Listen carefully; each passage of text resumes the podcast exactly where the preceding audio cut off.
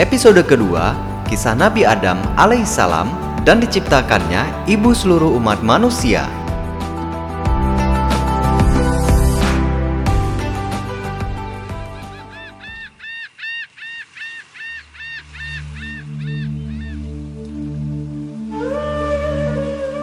Adam merasa kesepian karena tak mempunyai teman atau pasangan. Padahal ia melihat semua binatang yang ada di surga itu hidup berpasang-pasangan. Rasa sepi dan sedih membuatnya letih. Adam pun tertidur pulas di bawah pohon yang teduh. Allah Maha Tahu, Ia mengetahui pula yang tergerak di hati Adam, yaitu ingin mempunyai teman. Maka, selagi Adam tidur, Allah menciptakan manusia lagi yang diambil dari tulang rusuk Adam sendiri. Manusia itu lain jenisnya dengan Adam.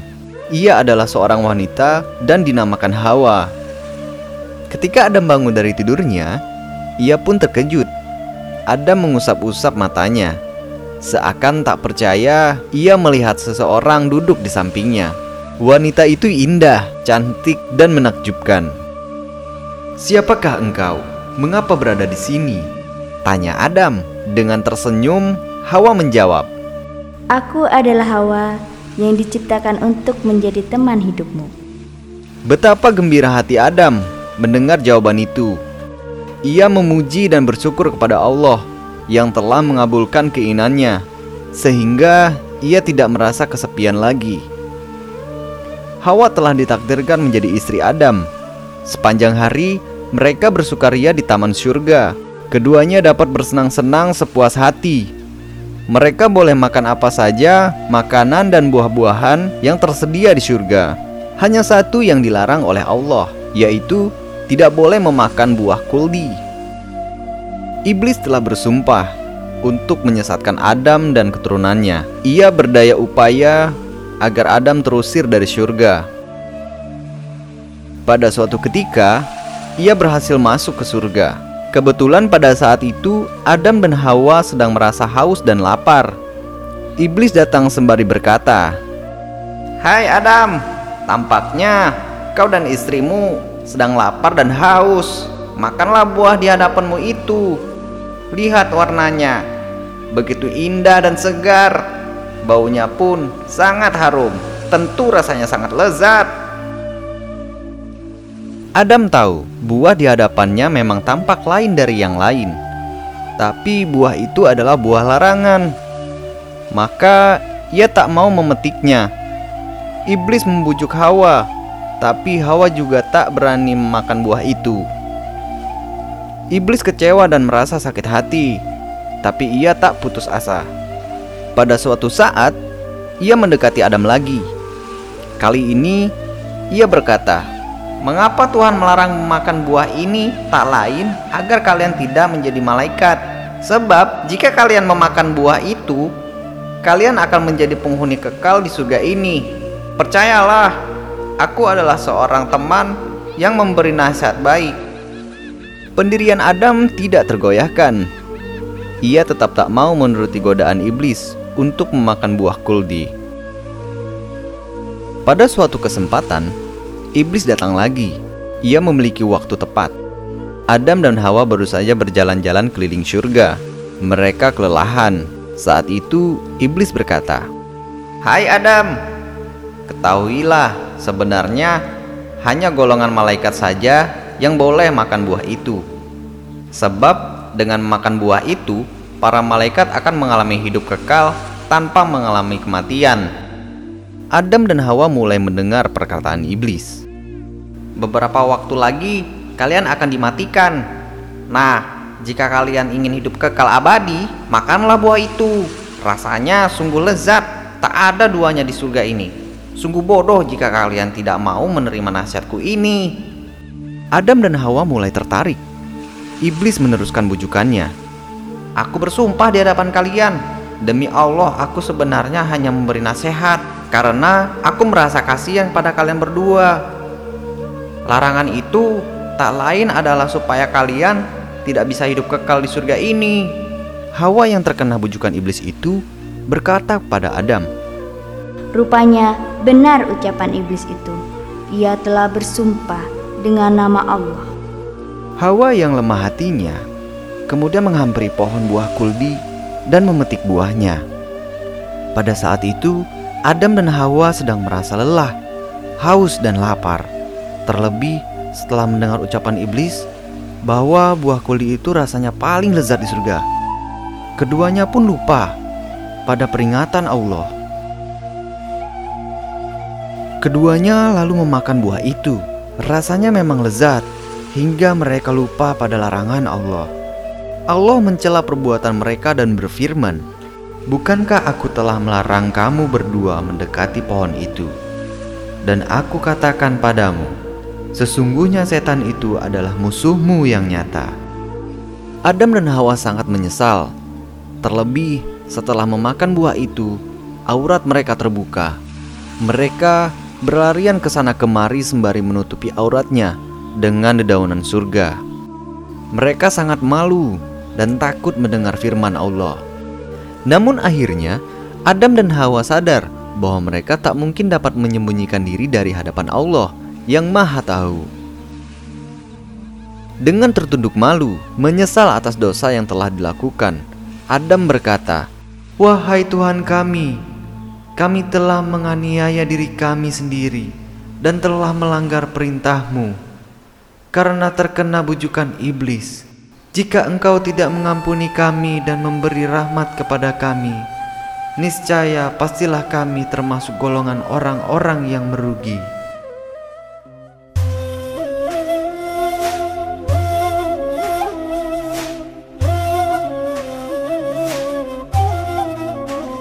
Allah Maha Pengasih dan Maha Pengampun. Taubat Adam dan Hawa diterima. Keduanya diampuni Allah, tetapi atas kesalahan itu mereka harus keluar dari surga yang penuh kenikmatan. Ini sudah sesuai dengan kehendak Allah yang memang menciptakan manusia sebagai khalifah di bumi, sebagai penghuni dan pengatur planet bumi. Maka berfirmanlah Allah, Demi kemuliaanku, kamu berdua harus meninggalkan surga ini. Kalian akan turun ke bumi yang telah lama terbentang. Di sana segala kebutuhanmu tersedia, tetapi kalian harus bersusah payah, harus bekerja keras untuk mendapatkannya. Iblis juga diusir dan harus tinggal di bumi. Jadi, Adam dan Hawa akan hidup bersama iblis di bumi. Firman Allah, "Turunlah kalian ke bumi, di bumi kamu hidup, di bumi kamu mati. Dari bumi itu pula kamu akan dibangkitkan. Di atas bumi kelak, kamu dan anak cucumu selalu mendapatkan godaan dan tipu daya iblis, agar anak cucumu celaka dan hidup sengsara. Di sana, anak cucumu akan menghadapi perjuangan nafkah untuk keluarga."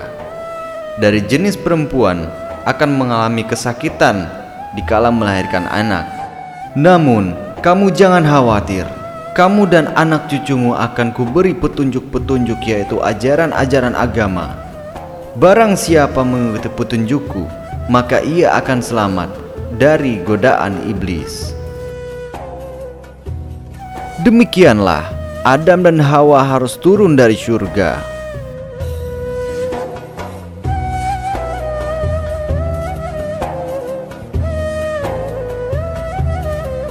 Sewaktu diturunkan ke bumi, keduanya berada di tempat yang terpisah jauh. Konon, Adam diturunkan di tanah Hindia, sedangkan Hawa di tanah Arab.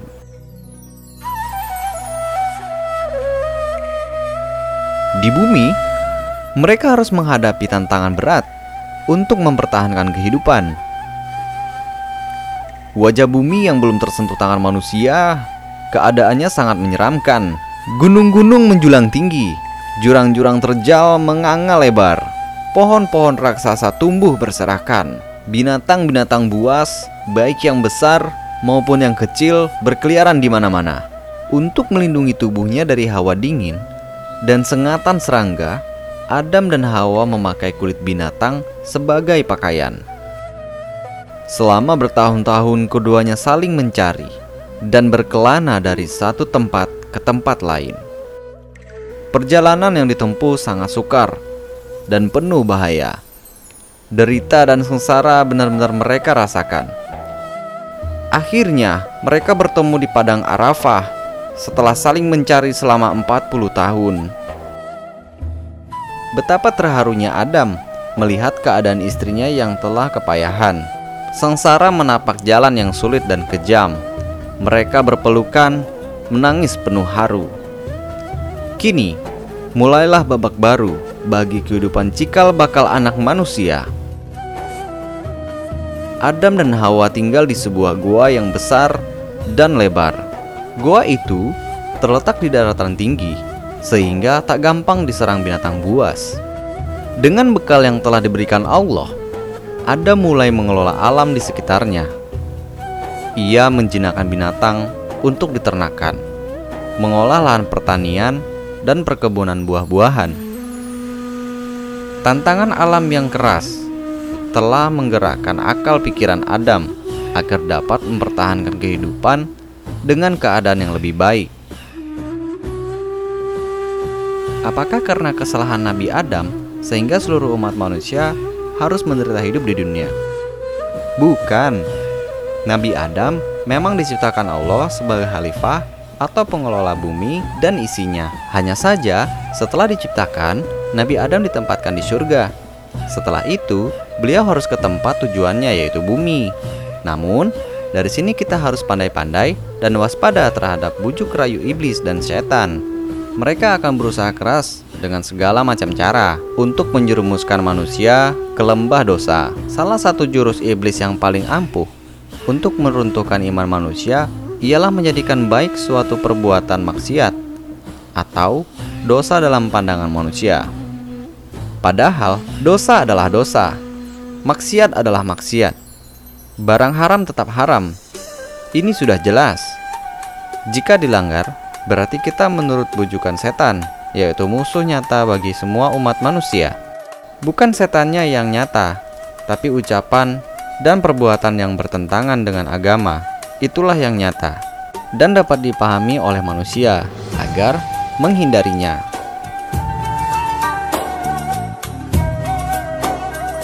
Kita akan lanjut di episode berikutnya tentang kisah Kabil dan Habil.